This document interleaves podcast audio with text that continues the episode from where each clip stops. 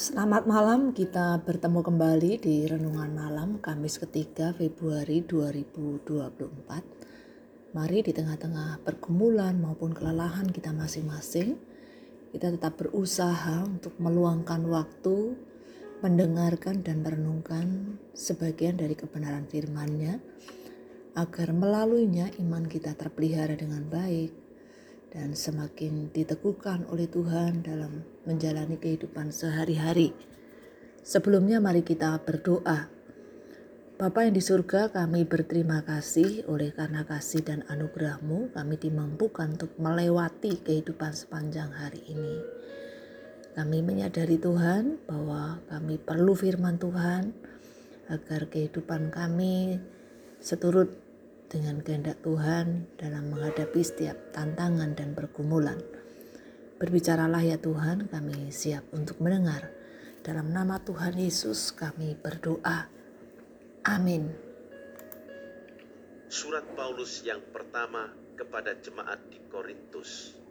1 Korintus pasal 1. Dari Paulus yang oleh kehendak Allah dipanggil menjadi rasul Kristus Yesus dan dari Sostenes, saudara kita, kepada jemaat Allah di Korintus, yaitu mereka yang dikuduskan dalam Kristus Yesus dan yang dipanggil menjadi orang-orang kudus dengan semua orang di segala tempat yang berseru kepada nama Tuhan kita Yesus Kristus, yaitu Tuhan mereka dan Tuhan kita.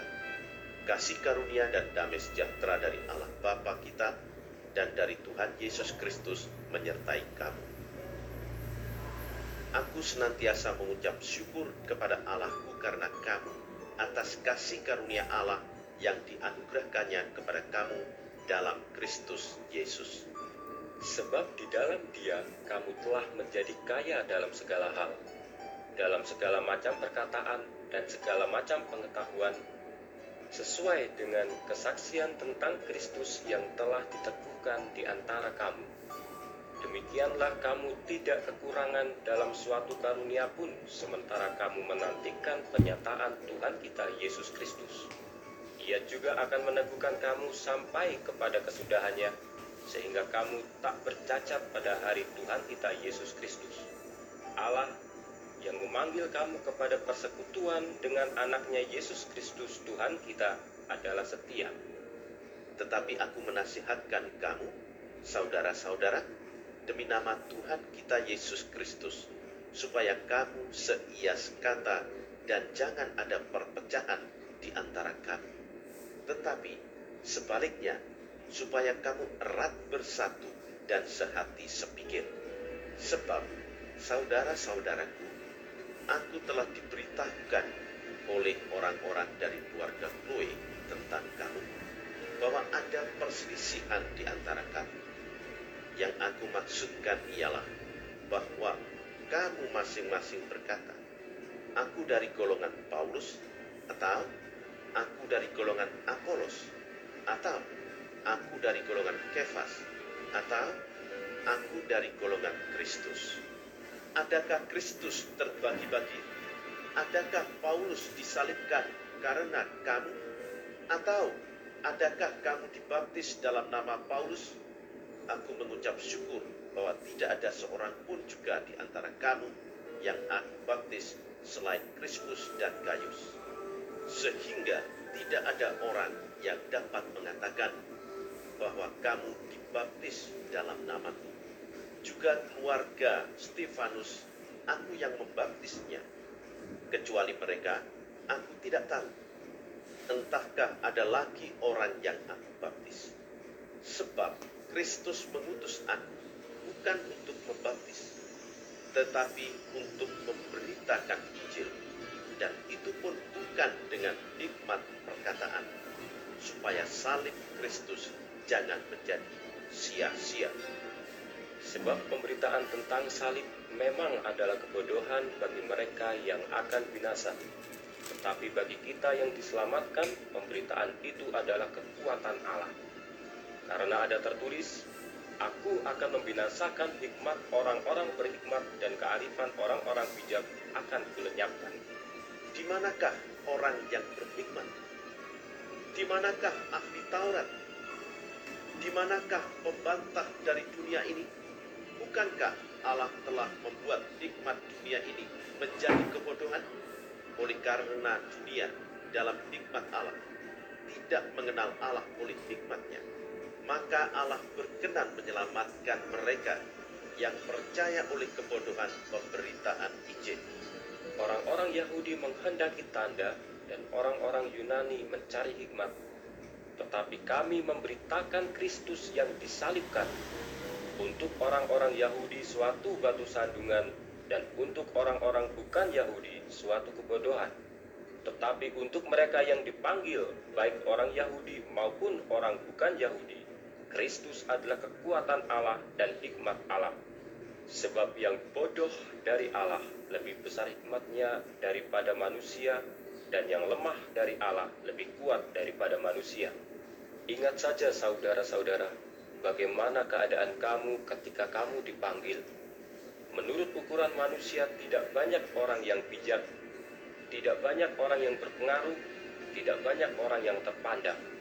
Tetapi apa yang bodoh bagi dunia, dipilih Allah untuk memalukan orang-orang yang berhikmat. Dan apa yang lemah bagi dunia, dipilih Allah untuk memalukan apa yang kuat. Dan apa yang tidak terpandang dan yang hina bagi dunia, dipilih Allah. Bahkan apa yang tidak berarti, dipilih Allah untuk meniadakan apa yang berarti. Supaya jangan ada seorang manusia pun yang memegahkan diri di hadapan Allah tetapi oleh dia kamu berada dalam Kristus Yesus, yang oleh Allah telah menjadi hikmat bagi kita. Ia membenarkan dan menguduskan dan menebus kita. Karena itu, seperti ada tertulis, barang siapa yang bermegah, hendaklah ia bermegah di dalam Tuhan. Mari kita memperhatikan dalam 1 Korintus khususnya ayat 27 dan 28 yang berbunyi demikian. Tetapi apa yang bodoh bagi dunia dipilih Allah untuk memalukan orang-orang yang berhikmat dan apa yang lemah bagi dunia dipilih Allah untuk memalukan apa yang kuat. Dan apa yang tidak terpandang dan yang hina bagi dunia dipilih Allah bahkan apa yang tidak berarti dipilih Allah untuk meniadakan apa yang berarti. Tuhan tidak memilih secara acak tetapi di antara sekian banyak dia memilih yang tertentu. Jika manusia memilih berdasarkan informasi yang diterima, namun hal ini masih bisa salah dalam menentukan pilihannya, karena manusia itu terbatas, tidak mengetahui segala sesuatu karena tidak mempunyai informasi yang cukup untuk mengetahui bahwa ia membuat pilihan yang benar. Tetapi pilihan Tuhan bukan demikian. Perlu memahami bahwa apa yang dianggap bodoh dan lemah oleh dunia, itulah yang dipilih Tuhan. Berdasarkan kemahatauannya, dia membuat pilihannya dengan sempurna karena dia mengetahui segalanya tahu yang dia lakukan, dan pilihannya adalah pilihan yang tepat dan sempurna. Yang dianggap bodoh bagi dunia, tetapi mereka tidak bodoh dalam pandangan Tuhan. Pilihan Tuhan bukan hanya tepat dan sempurna, tetapi ada tujuan yang jelas. Memilih yang bodoh menurut dunia, di mata dunia, yaitu untuk mempermalukan yang berhikmat. Karena manusia menyombongkan apa yang diketahui, menolak Tuhan, padahal Tuhan datang mencari dan menyelamatkannya. Tuhan memilih yang bodoh lemah menurut pandangan manusia, namun merupakan pilihan yang sempurna dan tujuan yang benar. Tuhan memilih pengampunan, kasih, kelemah lembutan. Namun dunia memandang semua bodoh, dibenci dan lemah dalam pandangan dunia. Tindakan objektif Allah telah memisahkan kita dari dunia di dalam Kristus Yesus. Jika kita telah dipilih dalam Kristus, apakah konsekuensi dan implikasi dalam kehidupan sehari-hari, dalam keluarga, bergereja, bermasyarakat, dan sebagainya? Apakah dengan konsisten kita memiliki pengharapan dalam kehidupan, kematian, dan kebangkitan Kristus? Marilah kita menyadari bahwa Tuhan memilih manusia seturut dengan kehendak Dia. Marilah kita bersyukur menjadi umat pilihan Tuhan, dan marilah menjalani hidup sesuai dengan tuntunan yang Tuhan tetapkan.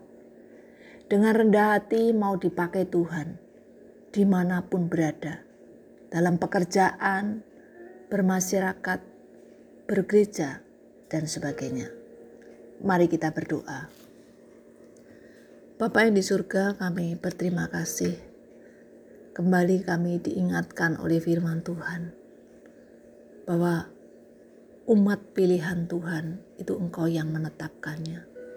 Engkau punya tujuan yang jelas, tujuan yang tepat dan sempurna. Mari Tuhan menolong kami agar kami dapat menjalani hidup kami sesuai dengan status kami, umat pilihan Tuhan untuk menjadi rekan kerja Tuhan, menyaksikan kasih dan kebaikan Tuhan di tengah-tengah kehidupan kami. Terima kasih ya Tuhan, pimpin perjalanan hidup kami, kehidupan kami seturut dengan kehendak-Mu. Dalam nama Tuhan Yesus kami berdoa. Amin. Bapak Ibu sekalian, selamat malam, selamat beristirahat. Tuhan Yesus memberkati. Amin.